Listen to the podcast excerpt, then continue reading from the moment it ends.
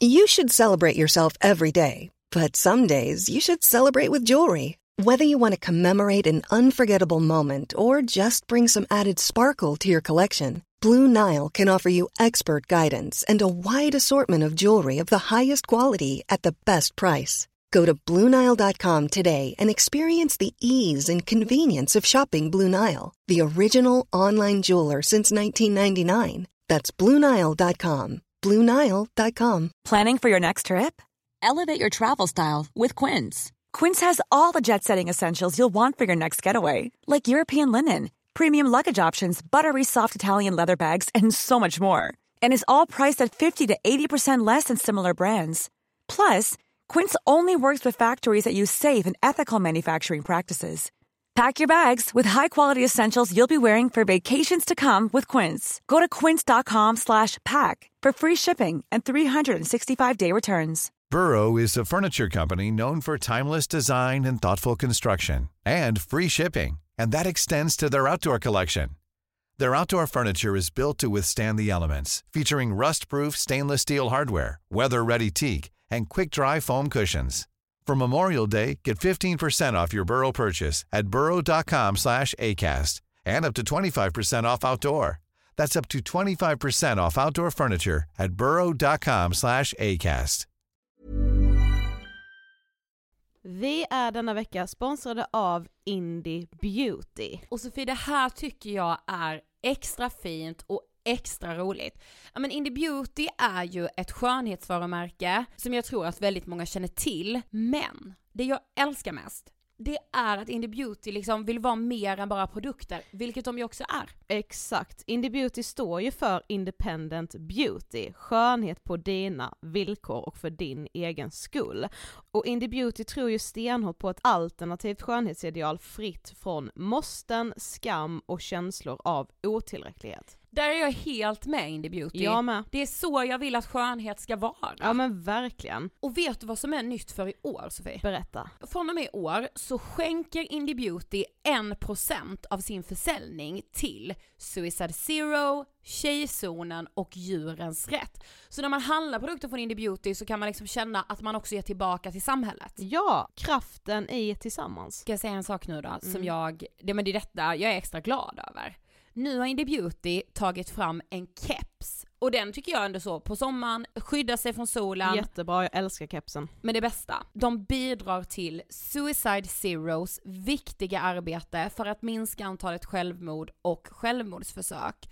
Så för varje såld keps så går hela vinsten, 100 kronor, direkt till Suicide Zero. Då kan man liksom göra nytta både för samhället och sin hud på en och samma gång. Ja, och kepsen kostar 169 men alltså hela vinsten går då som sagt till Suicide Zero. Mm. Så om man vill göra skillnad när man är där ute i solen, nu när den börjar titta fram, då ska man välja den här kepsen. Den säljs exklusivt på indiebeauty.se och på Apotea. Tillsammans kan vi skapa en ljusare framtid. Vi ses med kepsarna på! Tack Indie Beauty. Vi är sponsrade av Mindler och som ni säkert vet sedan tidigare så är vi ju ute på psykologresan tillsammans. Men hur vet man egentligen när det är dags att söka hjälp? Ibland uppstår saker i livet som kommer utmana oss och kännas tufft. Det mesta självläker vi oss igenom, för vi är menade att ta oss igenom en viss mängd påfrestningar. Men ibland behöver man professionell hjälp för att ta sig ur jobbiga perioder i livet. Men vart går då gränsen? Vad är en del av livets skavighet och när är det läge att söka hjälp? Det sägs till exempel att stress är farligt, men att också kan vara bra. Alla sover dåligt ibland, så när har man egentligen sömnproblem? Ångesten kommer väl krypande för de flesta någon gång. Så när ska man se ångesten som outhärdlig? Hur vet jag? Med oss som psykolog har vi såklart min gamla psykolog Linnea Seidbrant. Men Linnea, vad är egentligen utmattningssyndrom? Utmattningssyndrom är en konsekvens av svår och långvarig stress utan möjlighet till återhämtning. Vi är ju då skapta för att klara av stress, men vi behöver också återhämtning. Om du utsätts för för mycket stress under en lång period utan att du får till den nödvändiga återhämtningen så kommer kroppen till slut att säga ifrån. Och det är faktiskt så att alla har en gräns. Du kan drabbas av en rad fysiska eller psykiska besvär som trötthet, sömnproblem, hjärtklappning, besvär från magen och tarmarna och mycket annat. Och det här är ju då varningssignaler och tecken på att du kan behöva göra någonting åt din situation. Annars så kan besvären utvecklas till att du mår så dåligt på sikt att du blir psykiskt och fysiskt utmattad. Ladda ner Mindler till din telefon och läs mer på mindler.se.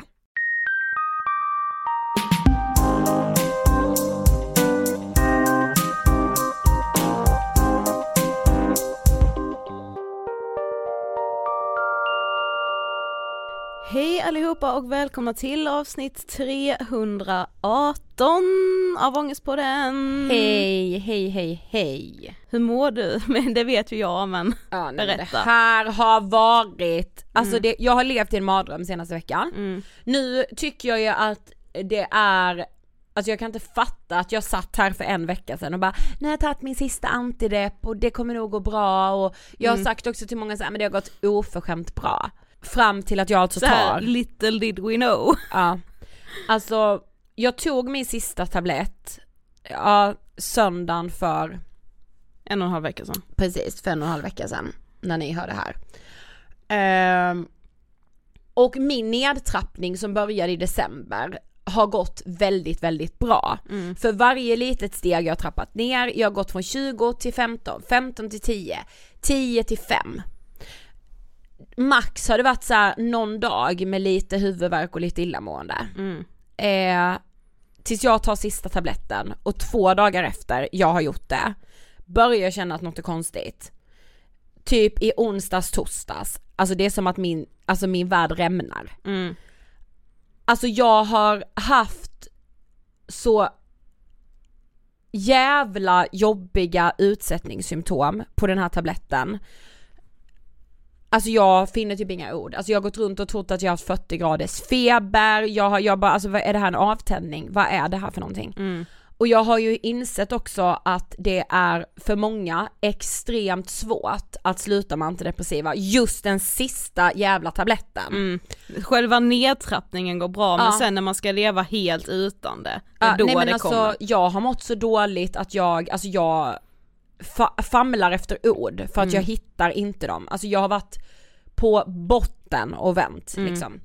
Och det sjuka är att alltså, vi har ju inte pratat så mycket om antidepressiv medicin i Nej. podden och vi har ju inte, alltså så här, ja, vi har ju vänner som har berättat om eh, nedtrappning liksom och att det är jobbigt men vi har inte vetat just det här med hur vanligt det är att själva nedtrappningen går bra och sen blir det ett nej. jävla helvete liksom. Nej, nej, Ingen aning. Nej alltså jag har läst lite på så här, i Läkartidningen, forskning, mm. eh, för att inte så hamna, ja jag har läst Flashback och liksom Facebookgrupper också. Och det är fullt förståeligt. Ja, alltså. för att jag, informationen är ju definitivt inte tillgänglig. Nej. Jag har nog förstått att det inte har gått helt rätt till med mig och min läkare, jag får se, jag har möte inbokat. Mm. Men det har inte inte liksom blivit rätt Nej. helt enkelt. Sen tror jag inte att det är att du är ett specifikt fall för jag tror det är vanligt att det är så det går till. Ja, Tyvärr. Men jag har nog trappat ner för fort trots att liksom så här, ja, ja jag vet inte, nu är jag åter på eh, minsta dos som jag har gått på innan liksom. Mm. Och jag kände, alltså bara typ någon timme efter, några timmar efter att jag hade tagit den igen var det som att jag började få mitt liv tillbaka. Mm. Eh, så det var den nedtrappningen, den kommer absolut inte sätta igång, eller nedtrappningen har ju satt igång men utsättningen kommer absolut inte vara liksom. Nej. Och jag har liksom haft så här ok av att bara jag är så misslyckad, varför har jag sagt att jag ska trappa ner? Och sen så bara herregud, mm. jag vet ingenting om detta. Men vi får göra ett helt avsnitt om detta. Ja det kommer vi göra för det, shit det är så sjukt många som har skrivit till oss om mm. just det här ju, som har mm. känt igen sig i allt du har skrivit. Ja ni liksom. har skrivit så fina saker, alltså tack så jätte jätte jättemycket, ja. verkligen. Så det kommer ett helt avsnitt. Ja. Både med bara oss men jag tänker också att vi ska ju in med en expert. Ja jag vet vilken Sofia, alltså det är en läkare, han, mm. han har blivit liksom, han har själv försökt trappa ner och blivit liksom någon slags talesperson för just den bristande informationen om nedtrappning, utsättning av SSRI. Mm, det är bra när det kommer från en läkare som själv kan liksom vittna om att det är för lite information på Mm. utbildningen liksom. Och dessutom ha egna erfarenheter liksom. Mm. Vi är denna vecka sponsrade av Mendley! Jajamän. Och alltså, jag har ju nämnt eh, flera gånger tidigare i podden att ju jag själv har använt Mendley och chattterapi och Mhm. att det egentligen var min första erfarenhet av att gå i terapi. Ja. Och jag tänkte bara så här i korta drag berätta lite hur, hur pass enkelt det är och hur det funkar att gå i chattterapi. Men gud, alltså jag måste verkligen säga att jag tycker ju, alltså bara jag hör så här chattterapi, då tycker jag ju att morgondagens vindar blåser. Alltså förstår du, framtiden är här, så Mm. känner jag. Verkligen. Eh, och jag började ju terapi för att jag liksom, ja men var i en period i livet där jag mådde väldigt, väldigt dåligt och jag kände att så här, nej men nu är verkligen rätt tidpunkt för mig att söka hjälp. Och när man då har laddat ner appen, så det första man får göra är att man får chatta med en chattrobot liksom, som ställer så basic frågor bara för att man ska känna efter själv var man är i sitt mående och för att man ju ska matchas ihop med terapeuter och psykologer som passar en liksom och för att de ska ha en liten bakgrundsbild av ens mående. När man har gjort det sen så fick jag upp ganska många olika psykologer som jag kunde välja mellan och då kunde man gå in på deras profil och läsa lite om dem och så valde jag en psykolog då. Det, det är det jag verkligen gillar, att man får välja Mm. också för det känns tryggt, då ligger valet hos mig, jag kan jämföra lite. Mm. Ja. Men man kan ju byta om det sen känns Ja. dåligt liksom. Såklart. Eller mindre bra. Eh, och sen så började man chatta och det jag tyckte var typ bäst, det var att även ifall allting sker i en chatt så har ändå psykologen möjlighet att skicka över uppgifter till en som man liksom kan öppna då på telefonen så att man har dem med sig hela tiden, typ som lite läxor eller liksom, ja men olika uppgifter och formulär som man har med sig hela tiden. Det är också väldigt bra att man kan skriva till sin terapeut eller psykolog när det passar en själv. Precis, och också att man väljer själv om man vill skriva i chatten, skicka röstmeddelanden i chatten eller skicka videomeddelanden i chatten. Så Ja. man liksom anpassar sin chattterapi precis så som man vill ha den. Men hur ofta får man svar? Eh, flera gånger i veckan Ja. och det beror ju såklart på hur snabb svarsfrekvens man själv har också. Ja, såklart. Ja. ja. Men flera gånger i veckan. Och för att chatta med en terapeut behöver du ha bank-id och du behöver vara över 18 år. Yes, och du laddar ner Mendley på App Store eller Google Play. Tack Mendley. Nu är det dags Sofie, för ett avsnitt som vi, det var ganska länge sedan vi spelade in det. Ja det var det. Men det är på tiden att vi släpper det här nu. Ja, idag gästas vi av Amat Levin. Ja, som bland annat har det väldigt bra Instagramkontot Svart Historia. Men det, det är också ett sånt konto, jag vet att vi sa det förra veckan när Cassandra gästade oss att så här, det är ett Instagramkonto man har följt länge. Svart historia är också ett sånt konto. Verkligen. Just för att man också har, jag har skämts över hur lite jag vet.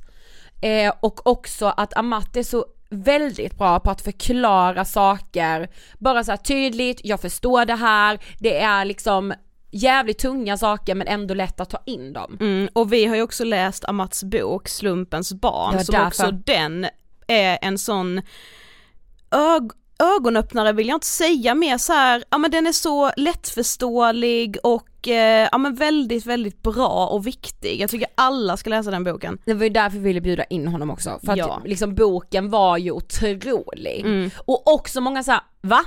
Va? Precis. Va? Alltså så här. Och Ja. det som slår en mest när man läser boken och som jag gjorde när vi pratade med Amat också är hur lite man vet om svensk historia. gud ja, verkligen. Alltså skamligt lite. Men liksom, alltså när Amat skrev Slumpens barn, alltså han ville ju egentligen så här ta reda på mer om relationen mellan Sverige och Gambia. Mm. Jag tror att det är där alla de här, va? Va? Det här visste jag inte, va? Alltså Precis. kommer in så himla mycket. Och jag tycker också att det är fint att så här.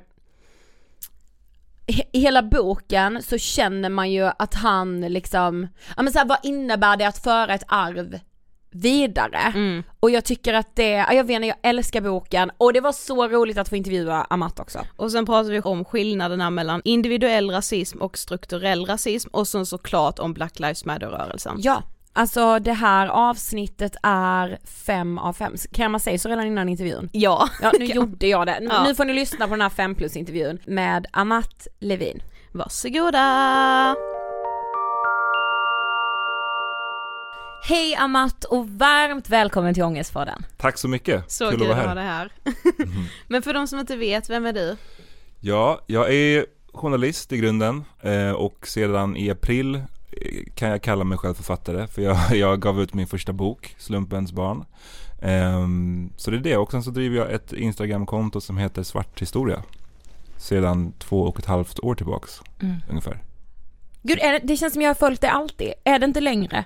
Nej, det är nog inte det. Jag startade det våren 2018. Oh. Um, och sen så har det växt sakta men säkert. Ja, jag tror väldigt många som lyssnar eh, känner till det kontot. Men har du alltid varit intresserad av historia?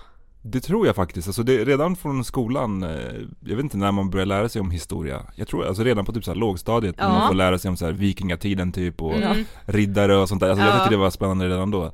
Och um, jag har alltid varit intresserad men så har jag väl slagits någon gång under uppväxten eller skolgången av hur lite man får lära sig om just svart historia. Mm.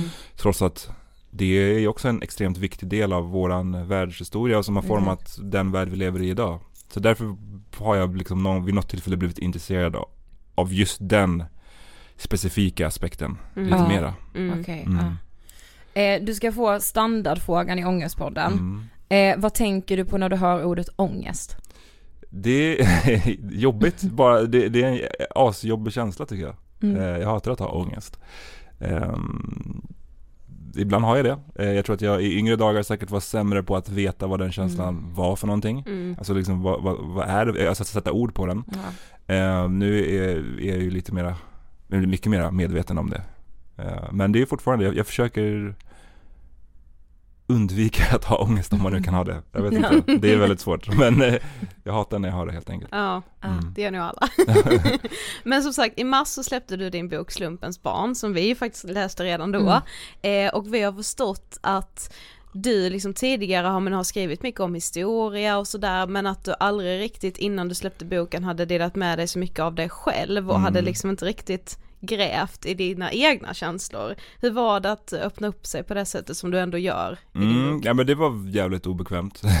jag är en, en privat lagd, liksom, jag är lagd åt det privata hållet. Jag gillar inte att eh, öppna upp mig så mycket för, för andra och då att gå från att inte göra det till att liksom göra det i bokformat mm.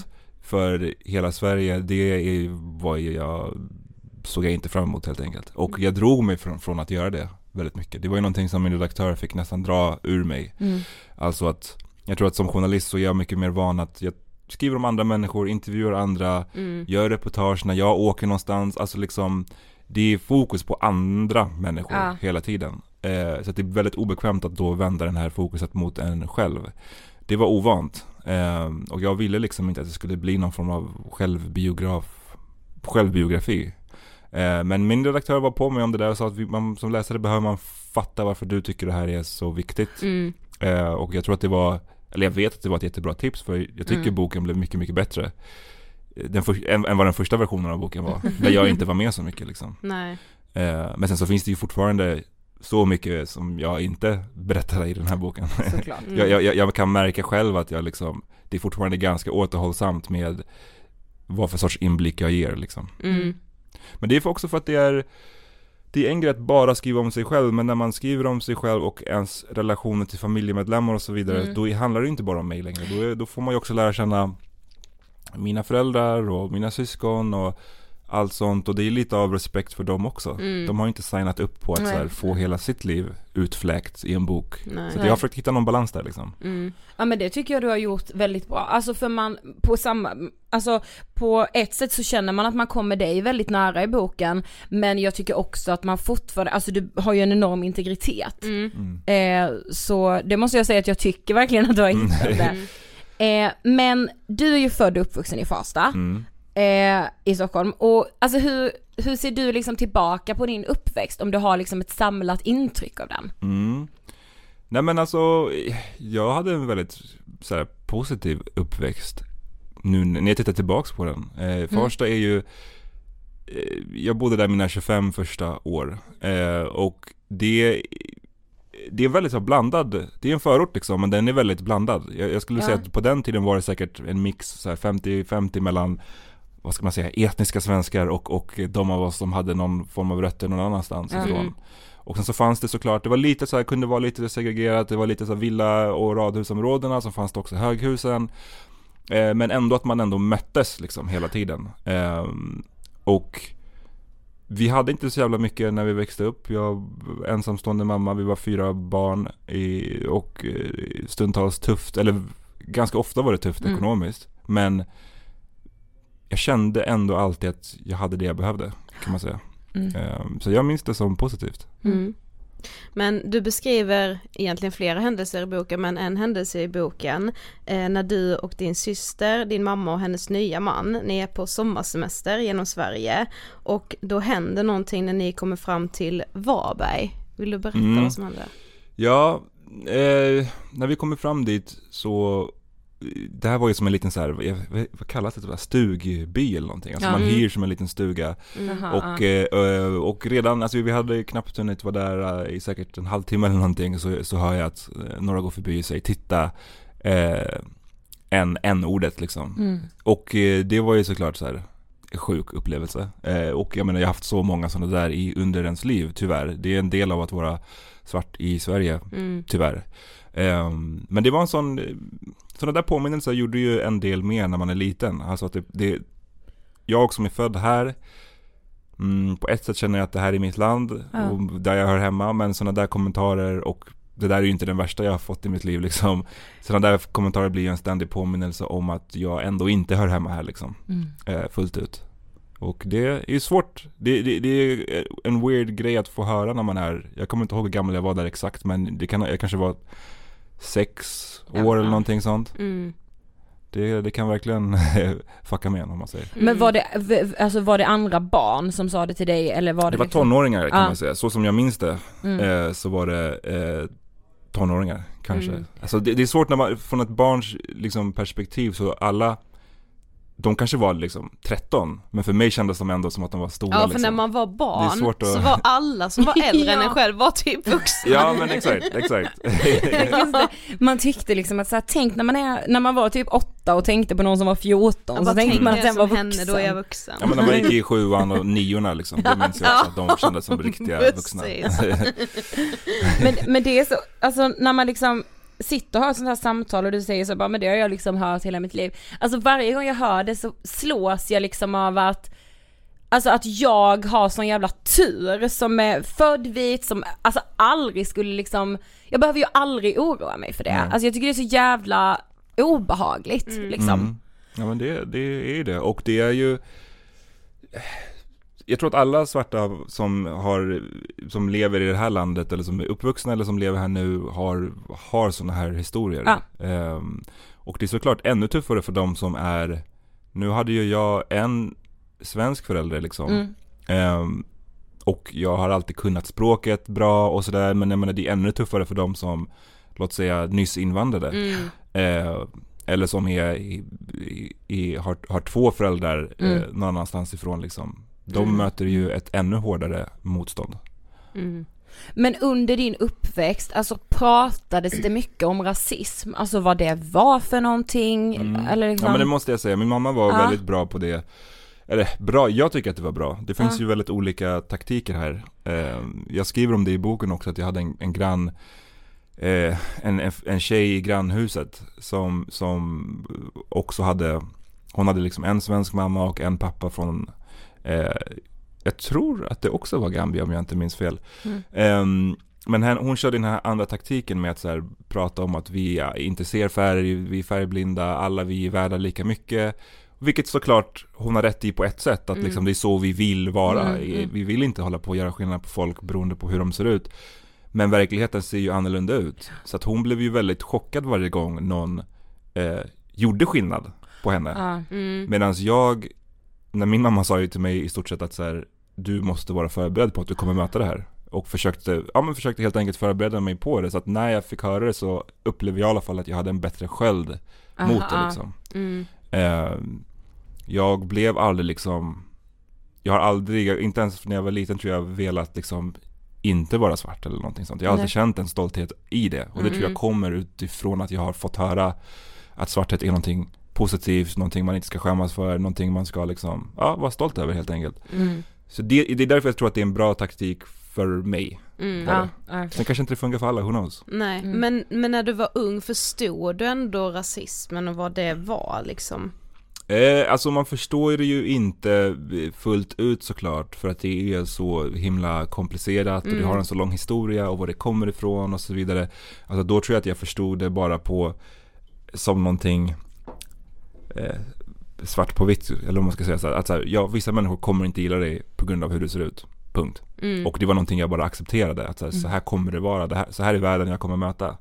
Sen så varför det är så, det tror jag att jag inte förstod förrän senare. Nej. Mm. Men jag, vet ni vad jag också kan tänka mycket? Alltså just i skolan, där man som ung tillbringar så enormt mycket tid. Alltså vi pratade ju aldrig om rasism. Nej. Nej. Eller gjorde, alltså gjorde du det i skolan? Nej. Nej. Nej. Ingenting alls faktiskt. Ehm, och det kan man ju tycka att det här är någonting man behöver lära sig för att vi vet ju, det har ju massa forskning och sånt där visat att barn Exakt. lär ju sig de här grejerna ganska tidigt och det Mm, räcker ju med att man har någon förälder som liksom eh, runt köksbordet pratar om, låt säga invandrare på ett nedlåtande sätt, då tar Mm. ju barnet med sig det där till skolan sen. Mm, och Precis. Alltså, jag var ju väldigt ung när jag fick höra de här sakerna första gången. Det var ju liksom dagisåldern. Mm. Ja, så att det startar tidigt och det är därför man behöver sätta in lite så här åtgärder. exakt. Om inte hemma så i skolan eller ja, jag vet inte. Ja, men Precis. precis. Och så att Efter- barnen får gå hem och lära sina föräldrar. Ja men fy fan men det, Den så yngre, är det ja, ju. men det är mycket där den yngre generationen måste lära de äldre tyvärr Mm. men alltså Ja men så är det ju. mm. Eh, men som sagt din pappa kommer ju från Gambia Ja. Och i boken så beskriver du, eller du eh, skriver om Britt Wadner. Mm. Alltså så kan du berätta lite om henne? Vi golvades när du, när du skrev om det här. ja. Nej, men hon är en väldigt cool kvinna som man kan skriva böcker om ba, om bara henne egentligen. Och det har gjorts. Det finns, hon är faktiskt lite omskriven här i Sverige för att hon var, kan man säga, lite av en kändis här på Mm. 60-talet. Och det, man måste ju då komma ihåg hur Sverige såg ut på den tiden. Det fanns ett radiomonopol. Det var bara Sveriges Radio som fick sända radio. Och det här var ju inte alla som accepterade utan vissa ville sända radio privat. Mm. Ehm, och, men det var förbjudet och då blev de så kallade radiopirater. Ja. Och det som var populärt på den tiden då var att man sände från typ båtar. Ehm, så Britt Wadner hade en båt i Öresund. Eh, Öresundstrakten där hon sände, startade en radiokanal. Eh, eller det var hon, det var faktiskt en annan person som, sta, som var den första att starta den men hon tog, tog över den Ah, vid, vid ett ja. tillfälle. Ehm, och eh, den hette, kallades Radio Syd och sände över liksom Skåne och mot Mm. Danmark. Och den här kanalen var liksom större än Sveriges Radio under vissa perioder. Vilket såklart Sveriges Radio och staten inte gillade. Ja. Och hon lyckades få dit, de, de var väldigt så här, eh, som pi- pionjärer kan man säga, med att så här, spela en viss typ av musik, eh, att ha så topplistor, eh, de började ordna så konserter och grejer, de fick till och med hit, eh, det är ganska häftigt när man kollar gamla artiklar och sådär, att eh, hon tog hit Rolling Stones, Mm. och du vet, och, så att det, det är jättemäktigt vad, Ja. vad hon lyckades åstadkomma, men just för att det var förbjudet så hamnade hon till slut i fängelse för det. Och satt på en kvinnoanstalt i en månad. Det var inte värsta hårda straffet men, men, men ändå. Men ändå, liksom, ja, hur många har För gjort att man det? har eh, sänt lite radio. Ja, men det låter exakt. så konstigt idag. Och hon höll på, eh, jag drar en snabb version av den här Ja, ja. storyn, men, men Mm. hon höll på och kämpade väldigt, väldigt länge och till slut gav upp. Eh, och eh, tog sig till Kanarieöarna där hon tänkte, hon tog liksom sin båt till Kanarieöarna och tänkte så men nu ska jag sända här. Eh, och det sket sig också. eh, och där på Kanarieöarna träffade hon en annan man som heter Bertil Harding, Mm. som också är väldigt viktig för den här bokens eh, historia. Mm. Och det var han som eh, sa att det finns ett land där i Västafrika där, som precis har blivit självständigt och där du kan göra i stort sett vad du vill liksom. Ehm, och så åkte hon till Gambia, hamnade hon där och började sända radio där. Blev den första privata radiostationen i Gambia. Mm. Är så jävla coolt. Det är väldigt coolt. Och Bertil Harding då, berätta lite om honom Jo också. men han är superviktig också. Han kan man också, han var mycket svårare att hitta information om för att han är Ja, liksom just inte direkt känd för allmänheten. Eh, även om jag tror att kanske vissa äldre kommer ihåg honom. Han är liksom skälet till att vi än idag åker till Kanarieöarna. Kan man säga. För han var den Mm. första som öppnade upp det som en turistdestination för svenskar. Eh, och hans, vad han höll på med där är också jättespännande men, vid något tillfälle så eh, beslöt han sig för att liksom eh, lämna Kanarieöarna eller att expandera kan man säga. Och han var inne i Senegal i Västafrika och höll på och scoutade där, letade hotell, restauranger och så vidare.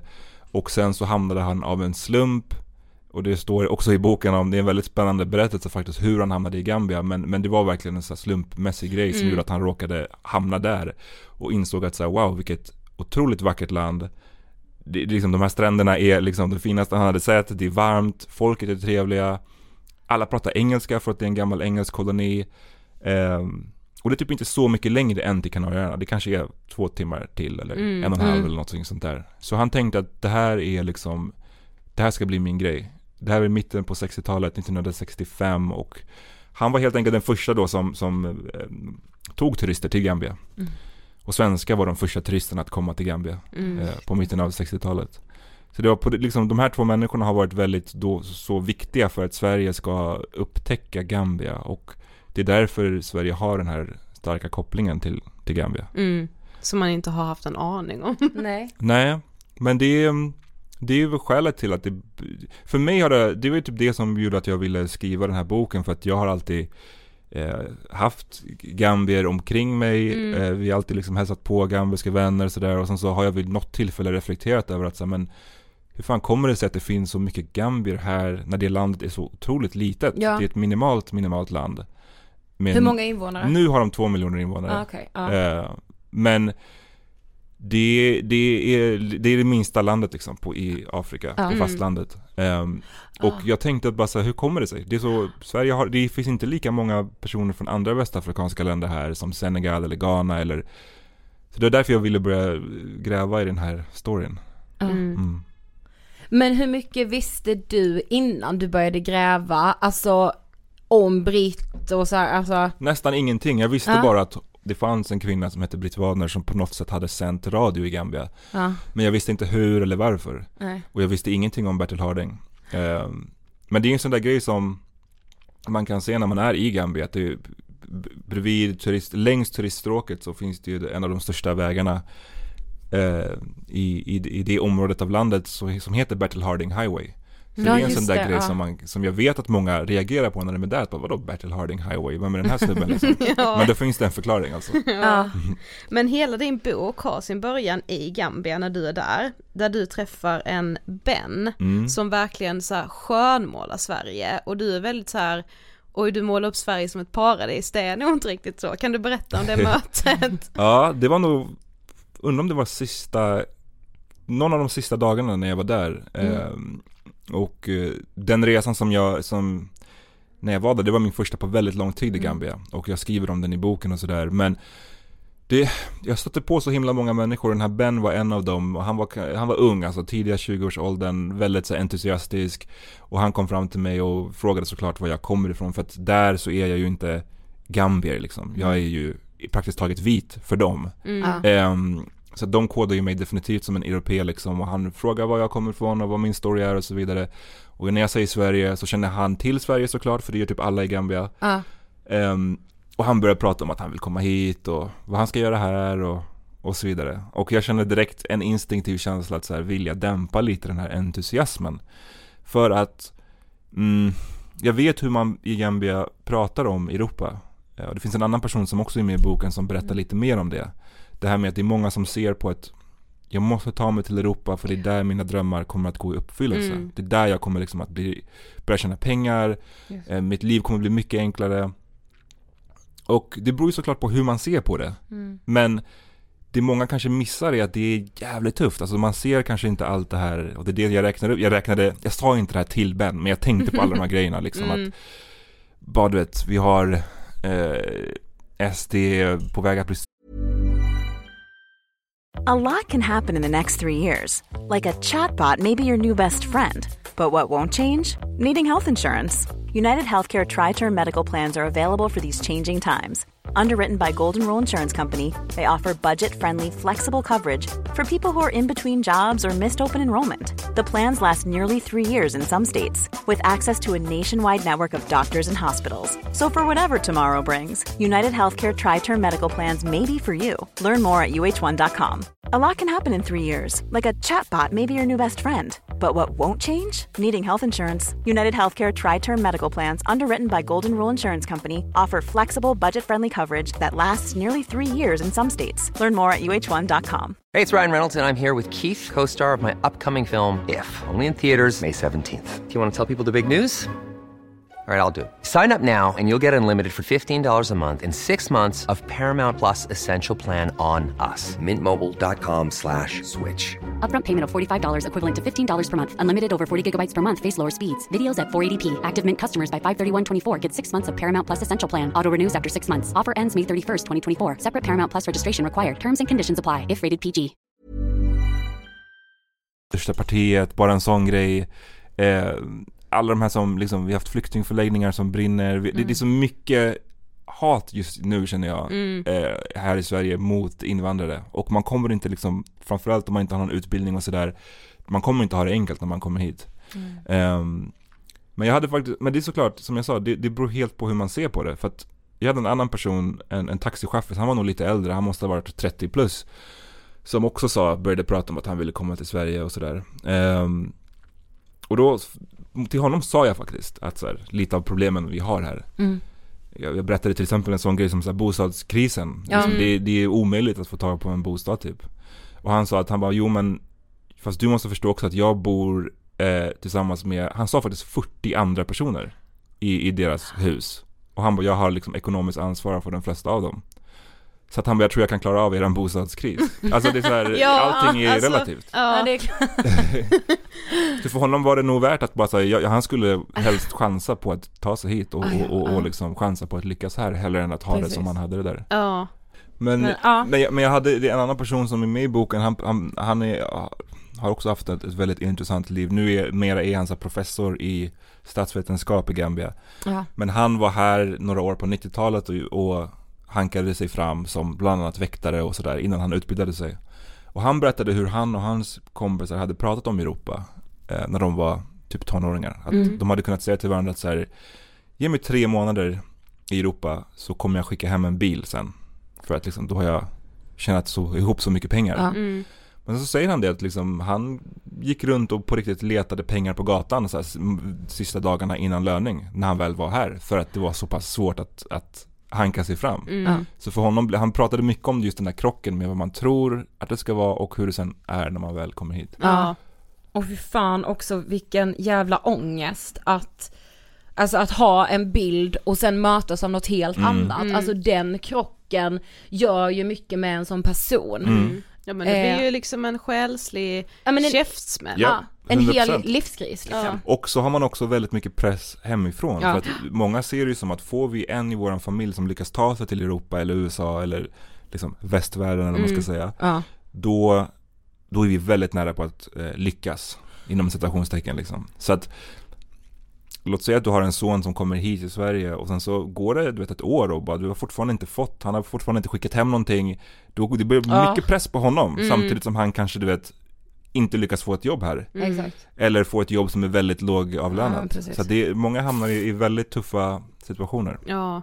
Därav min, inst, min känsla av att jag vill dämpa den här entusiasmen Ja, lite men- grann liksom. Ja, jag det inte helt. krossa någon strömmar men Nej. ändå göra lite mer verklighetsförankrat. Ja men kanske. precis. Så jävla hårfin gräns. Ja. Väldigt. ja. Men ja, eh, men något annat som också känns så jävla viktigt och det, alltså så här historiskt att eh, det finns alldeles för lite kunskap är ju när du liksom berättar om triangelhandeln. Eh, kan du liksom, alltså det är ju så stort, det är ju liksom ett avsnitt i sig på Mm. ett sätt. Men kan du liksom sammanfatta det lite kort? Ja, triangelhandeln eller liksom den transatlantiska slavhandeln, det, det är ju, de flesta tror jag känner till det som Mm. fenomen liksom att nå, nå, någonting om att afrikaner har tagits från Exakt. Afrika, skeppats till Syd och Nordamerika och Mm. blivit förslavade där. Ja, Men liksom- visst läser man, det läser man ju om skolan. Mm. Det gjorde man ändå. Men jag skulle något. inte säga att man lär sig att det också är en del av den svenska historien. Exakt. Nej, det Det gör är man det ju som är inte. problemet. Och man lär sig, det är ett sånt, det är ett sånt det, är ju, det här pågick ju under flera hundra år och har ju Exakt. format, alltså utan slavhandeln hade USA inte blivit den supermakt det, det har varit nu. Nej. Exakt. Så att det, det, det, har, det har haft en så, så otroligt stora konsekvenser och så kanske man lär sig om, lär sig om det på en halv lektion Ja, eller en exakt. lektion, alltså det är väldigt Ja så snabbt. så. Mm. Eh, men ja, det jag har reagerat på också är att man inte har pratat om Sveriges inblandning och jag vill inte att någon ska tro att här, det, det går inte att jämföra Sveriges inblandning med typ England eller Spanien eller Portugal, de här länderna som har gjort det på en sån otroligt mycket högre skala. Mm. Men däremot tycker jag att man har nästan i vissa fall gömt den historia som finns. Eller man har verkligen liksom inte velat prata om den, det är mitt intryck. Mm. Sen vet jag att vissa, i vissa skolor så, jag, jag har haft eller varit med om vissa personer som säger att nej men vi fick faktiskt lära oss om det här. Så det kanske bara är en sån grej att det är olika i olika skolor. Mm. Eh, Jag delar jag- din bild, ja, det alltså just om det svenska liksom.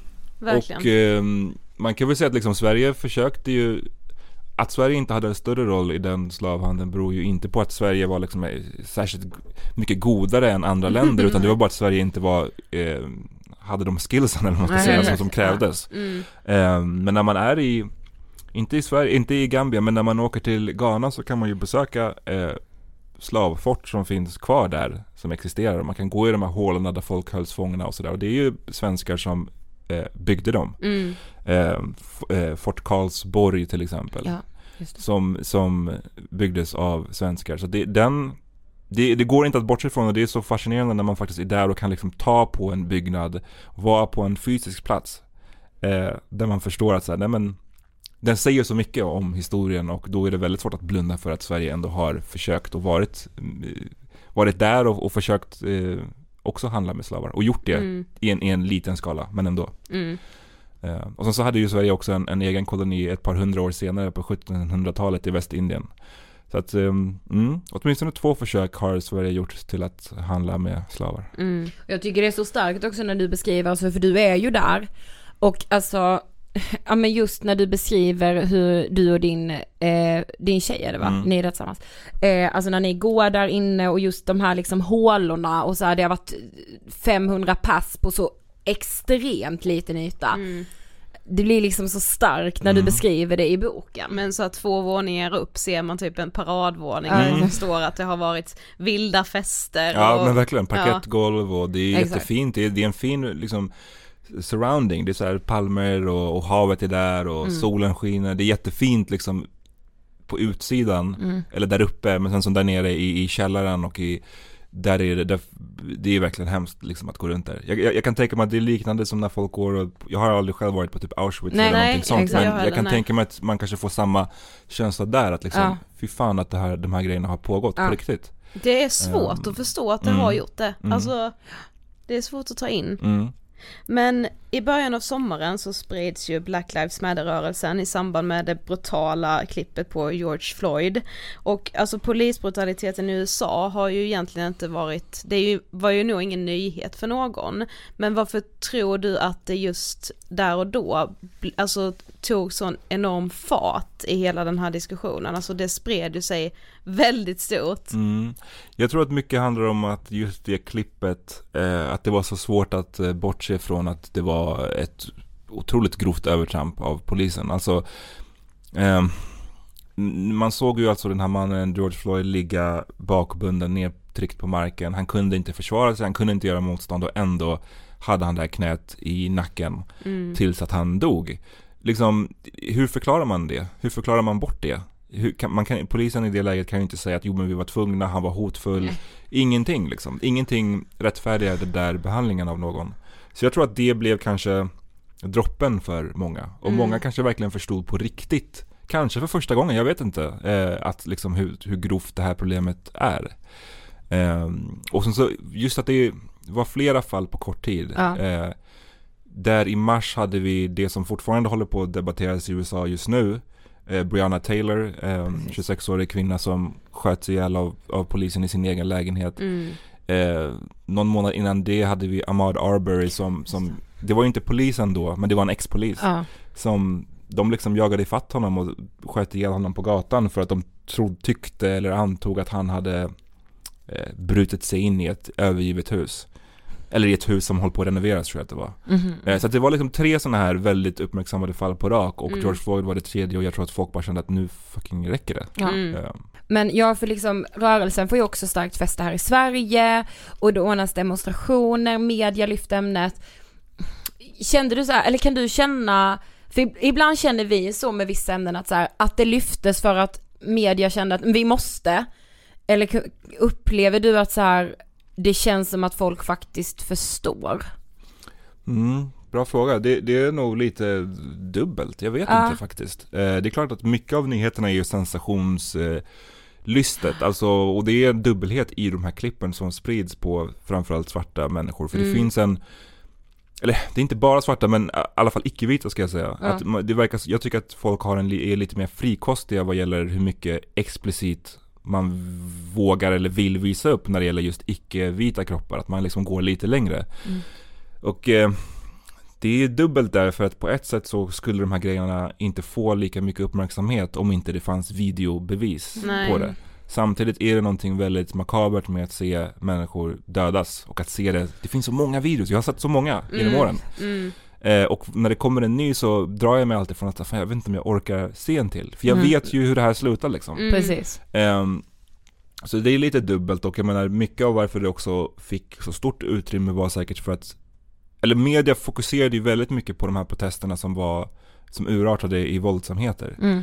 Eh, sedan i maj har ju protesterna pågått i stort sett varje dag Precis. och nu täcker ju inte medierna dem alls längre. Nej. Och jag tror att det är bara en bråkdel av protesterna som har varit våldsamma. Men det är klart att det är där man fokuserar. Mm. För att man tycker att det är spännande och man tycker att det är liksom sensation, sensationellt och sådär. Mm. Så det är nog lite dubbelt. På ett Mm. sätt tror jag att många förstår det, frågan, förstår allvaret i frågan mera. Och på ett sätt vill ju media bara eh, täcka det som, som blir de stora rubrikerna liksom. Mm. If it Mm. bleeds it leads är Ja. uttrycket på Mm. engelska. Liksom. Ja. Här blev det ju också en diskussion kring hur eh, oansvarigt det var att ha demonstrationen i och Ja, med just det, coronakrisen. pandemin. Och, Ja. ja.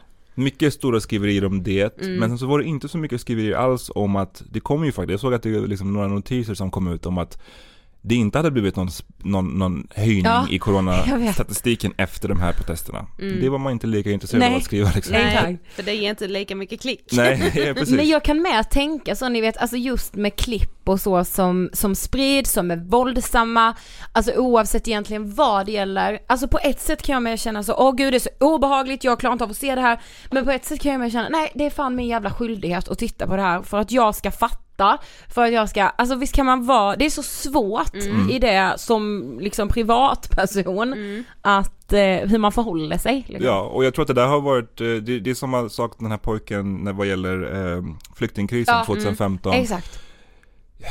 Det, det, är som, igen, det är super, det är väldigt dubbelt. På ett sätt är det ju skithemskt att se folk bara sitta och dela på Instagram en liksom tvååring eller hur gammal han var Ja. som, som ligger uppspolad på stranden. Mm. Det är jättehemskt samtidigt som den bilden var det som fick eh, folk att fatta allvaret Ja, i den situationen. precis. Man kan gå tillbaka till Vietnamkriget och kolla vissa av de hemska bilderna som delades och, och som sp- spårade folk till att liksom gå ut på gatorna och protestera mot kriget. Eh, så det, jag vet inte, det finns nog inte, inget rätt eller fel där. Nej, för man blir ju också tudelad lite så här, ja men man vill heller inte att det bara ska bli den där delningen, Nej. att jag bara delar vidare den bilden för att jag ser att alla andra gör Mm. det och att det är någonting man Ja, ska göra. Ja, men ja. jag, jag liksom tar ju mig inte tiden att läsa in mig i Ja, frågan hur? och lära mig Mm. saker kring det. Men det har ju blivit lite så att bara för att man delar en bild så visar man att man ställer sig bakom kampen, Ja. men man kanske ändå inte lär sig ett Nej. skit. Och det är det som är risken med sociala medier, den här så godhetssignaleringen. Alltså, Ja, precis. jag Ja. delar en bild, eller den här svarta rutan, Mm. eh, och sen har jag gjort mitt liksom. Och det Mm. kan vara ganska skadligt när man hamnar där. När Mm. för många hamnar där och tror att man har gjort sitt bara för att det är på sociala medier. Exakt. Och det blir ett jävla liksom godhetsknarkeri, alltså Mm. av det. Mm. Man hamnar, ja gud det är Som ju intressant. inte utvecklar Nej, precis. Nej. Nej, Nej. för att säga men lär vi oss någonting när vi Mm. delar den här bilden? Mm. Gör man sin koll? Kollar man liksom, eh, eh, eller men liksom så här, läser man böcker? Kollar man Mm. dokumentärer? Alltså gör man det jobbet Ja också? men kan man sin historia, Mm. som vi har varit inne på här Ja men alltså verkligen, fan Ja. vad det är intressant. mm. Men sen så tycker jag också att det finns en tendens på att alltid, Sverige är väldigt bra på att prata om, väldigt bra, Sverige är bättre på att prata om rasism när det gäller andra länder liksom. Mm. När det gäller USA så pratar man gärna faktiskt om att så här, ja, hur det är där och Precis. den rasistiska polisen där borta. Men när det kommer till här i Sverige så är man väldigt mycket mer ovillig till att göra det. Och jag, jag menar inte då att jämföra liksom den svenska polisen med den amerikanska, Mm, för det, ja. den amerikanska har ihjäl folk på en helt sjuk, i en sjuk hastighet som Ja. den svenska absolut inte gör.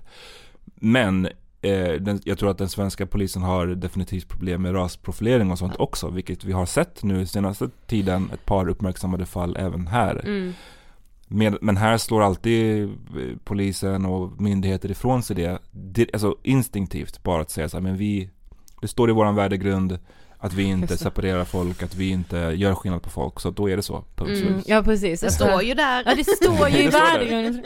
Och det är lite Vad som, bra att du gör det. Ja. nyligen så, eh, Sveriges Radio hade ju ett upprop med Ja. 39 journalister där som, Mm. som pratade om vad de upplevde som en rasism inom Precis. Sveriges Radio. Och deras VD gick ju ut och svarade på ungefär samma sätt att liksom, nej vi är inte ett rasistiskt företag, punkt slut. Mm.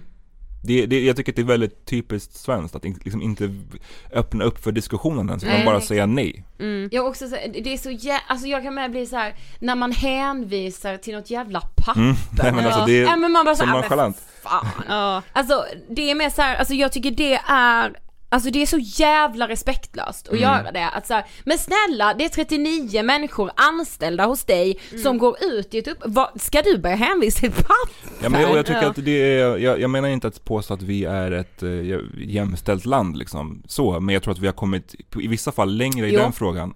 Och jag tror att hade ett företag haft 39 kvinnor som gick ut och klagade på sexism och, och liksom särbehandling på det sättet och vdn svarade med att säga nej men vi har inte sexism på vårt företag. Då tror jag de flesta hade fattat att det där är inte ett legitimt svar. Exakt. Du kan inte bara säga att det står i eran policy att ni inte får vara sexistiska. Mm. Men när det kommer då, när det, det, samma diskussion överförs till rasism eller diskriminering, då tappar folk det tydligen. Då kan Mm. folk inte förstå det längre. Jag Ja, tycker att det är väldigt konstigt. Ja. Vad är det för skillnad på individuell och strukturell rasism?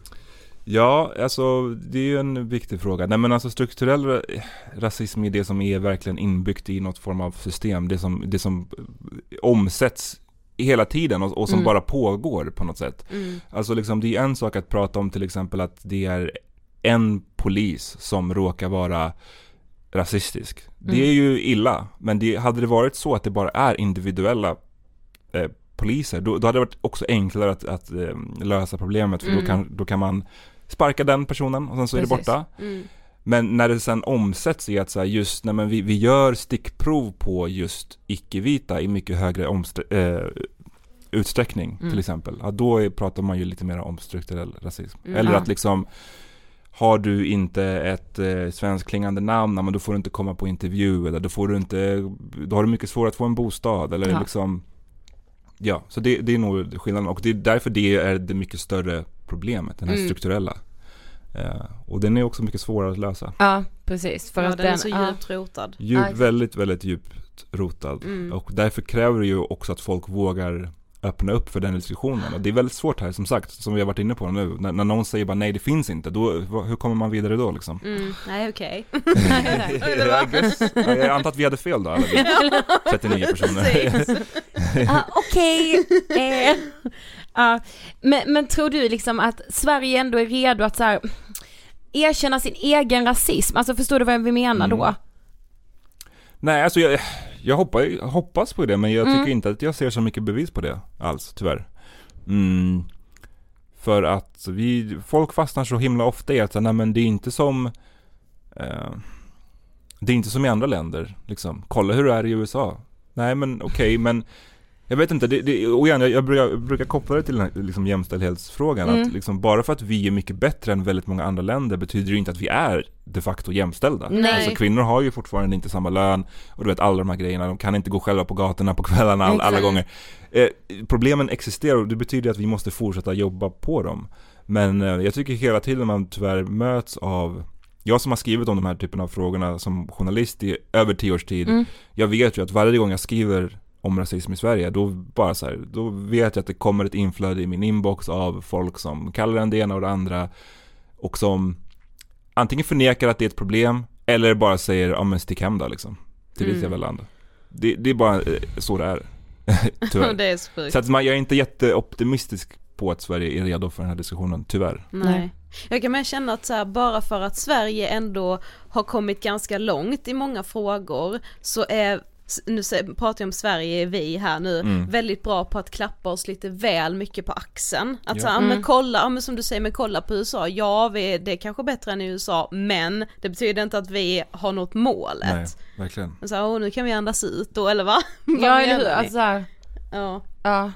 Men du har precis blivit pappa igen här Mm, för andra gången, mm. grattis! Tack så mycket. Och hur liksom, hur ser du på framtiden? Är du orolig för vad dina barn kommer uppleva? Har du tänkt på hur, hur du ska prata med dem om rasism? Mm.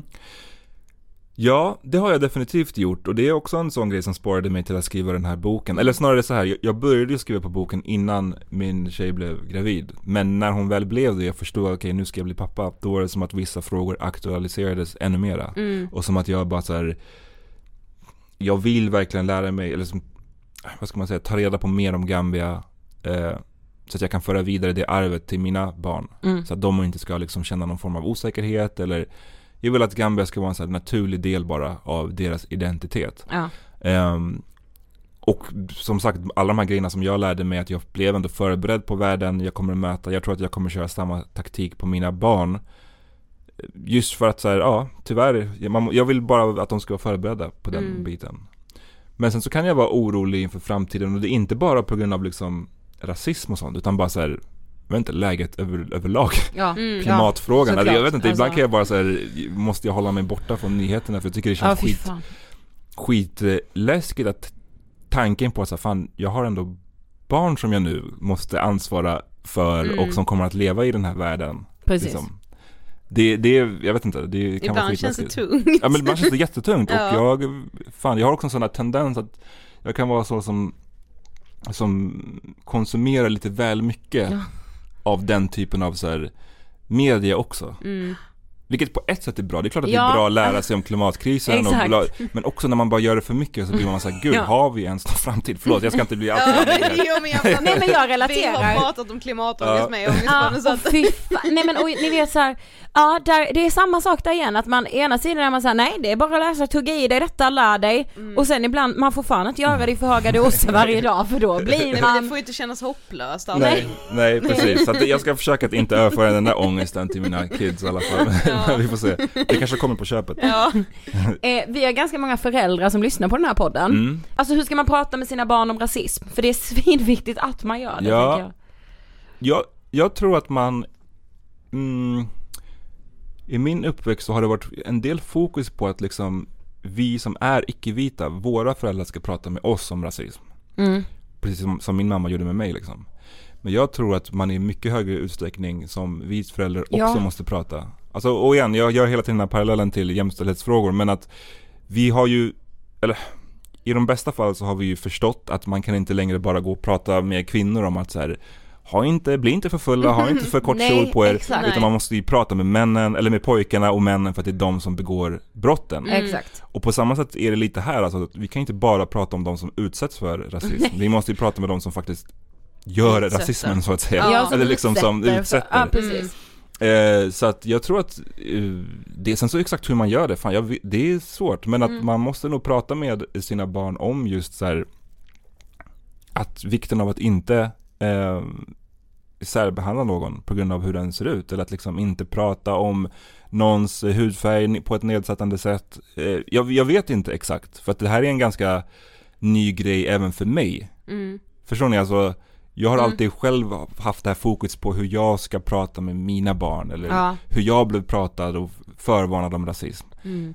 Jag- Jag vet inte exakt hur man ska prata med dem, med hur man som vit förälder ska prata med sina vita barn. Jag tror bara att det, det är bra att läsa på eh, och försöka göra sitt bästa med att liksom uppmärksamma sina barn på att de här problemen faktiskt existerar. Mm. Exakt. Eh, Jag tror man ska våga prata lite politik med sina Mm. barn på något Ja, sätt. Ja, men typ, på ett alltså- enkelt sätt, göra det lite lättillgängligare också Mm. tror jag är viktigt. Ja men vet ni vad jag tänker? Alltså det kanske inte finns så här, så här bör du prata, men att man pratar om det. Mm. Att Nej, man precis. inte är liksom Hellre att tyst. det blir ett lite trevande, konstigt, stelt samtal Mm. än att inte ha samtalet Exakt. Ja men alls. absolut, absolut. Och det är obekvämt. Det, det är så här, det är klart att man inte vet, när ska man ha det samtalet? När ska man börja med det? Ja, nej, det är svårt att säga. Men, men när ska man ha samtalet om blommor och bin? Det är Ja, också ja men exakt, nej, men det, det är så här naturlig grej som man måste ta med och, och ingen vinner på att vi bara duckar den diskussionen. Nej. För att då ser vi ju, alltså Igen, jag alla mina liksom svarta kompisar och sådär har ju alla erfarenheter från så, så unga som på dagis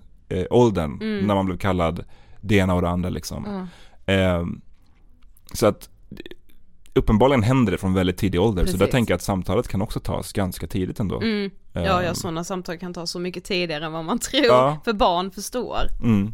Mm. Jag hoppas att fler vågar ta de här diskussionerna. Då kanske det faktiskt kan börja bli någon form av liten förändring. Mm. Ja.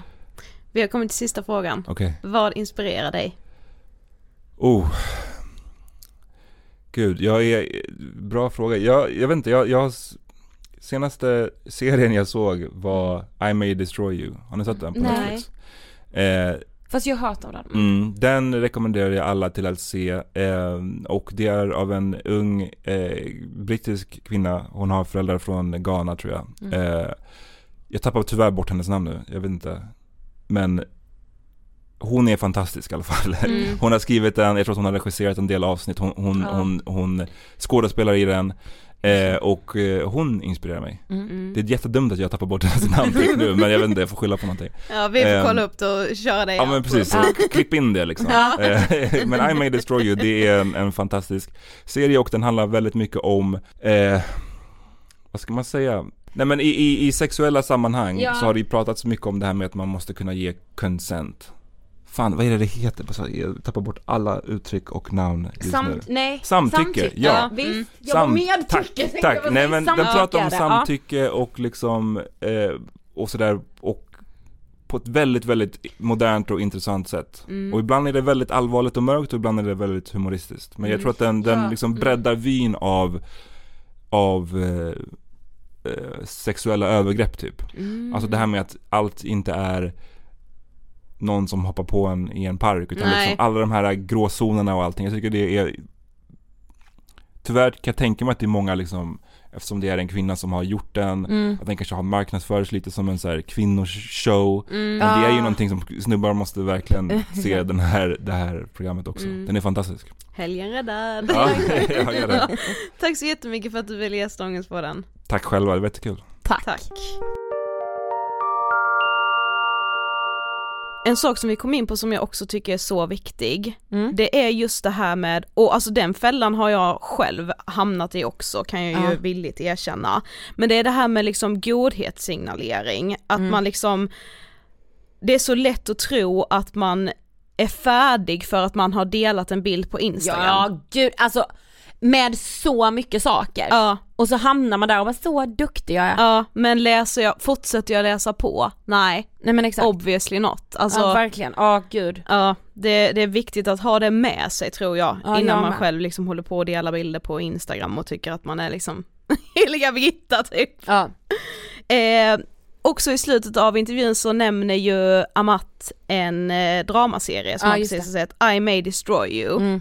Hon som han menar Ja. är Michaela Coel.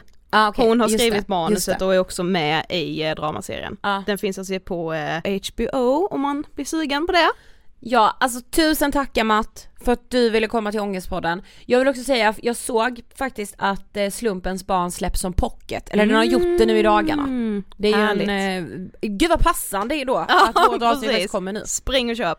Ja, Eh, vi hörs ju som vanligt nästa vecka. då är vi själva. Ja, det I var ett tag sedan. Det var jättelänge sedan. ja, ser fram emot Får det. vi se, rulla Mm. min antidepressiva resa vidare. Vidare, ja. Med nöje kan jag säga att, jag, att de är åter i mitt liv, med Ja. tanke på hur jag mådde utan dem. Ja, du har varit en jävla fighter vill jag faktiskt säga. Ja, Mm. faktiskt. Tack för att ni har lyssnat. Vi hörs igen nästa torsdag. Hej då!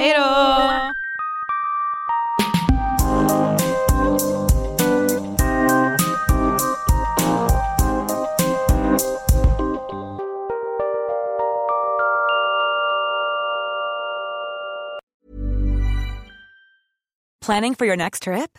Elevate your travel style with Quince. Quince has all the jet setting essentials you'll want for your next getaway, like European linen, premium luggage options, buttery soft Italian leather bags, and so much more. And is all priced at 50 to 80% less than similar brands. Plus, Quince only works with factories that use safe and ethical manufacturing practices. Pack your bags with high-quality essentials you'll be wearing for vacations to come with Quince. Go to quince.com slash pack for free shipping and 365-day returns. Mom deserves the best, and there's no better place to shop for Mother's Day than Whole Foods Market. They're your destination for unbeatable savings, from premium gifts to show-stopping flowers and irresistible desserts. Start by saving 33% with Prime on all body care and candles. Then get a 15-stem bunch of tulips for just $9.99 each with Prime. Round out Mom's menu with festive rosé, irresistible berry chantilly cake, and more special treats. Come celebrate Mother's Day at Whole Foods Market. Imagine the softest sheets you've ever felt. Now imagine them getting even softer over time. That's what you'll feel with Bowl and Branch's organic cotton sheets. In a recent customer survey, 96% replied that Bowl and Branch sheets get softer with every wash. Start getting your best night's sleep in these sheets that get softer and softer for years to come. Try their sheets with a 30-night guarantee. Plus, get 15% off your first order at bowlandbranch.com. Code BUTTERY. Exclusions apply. See site for details.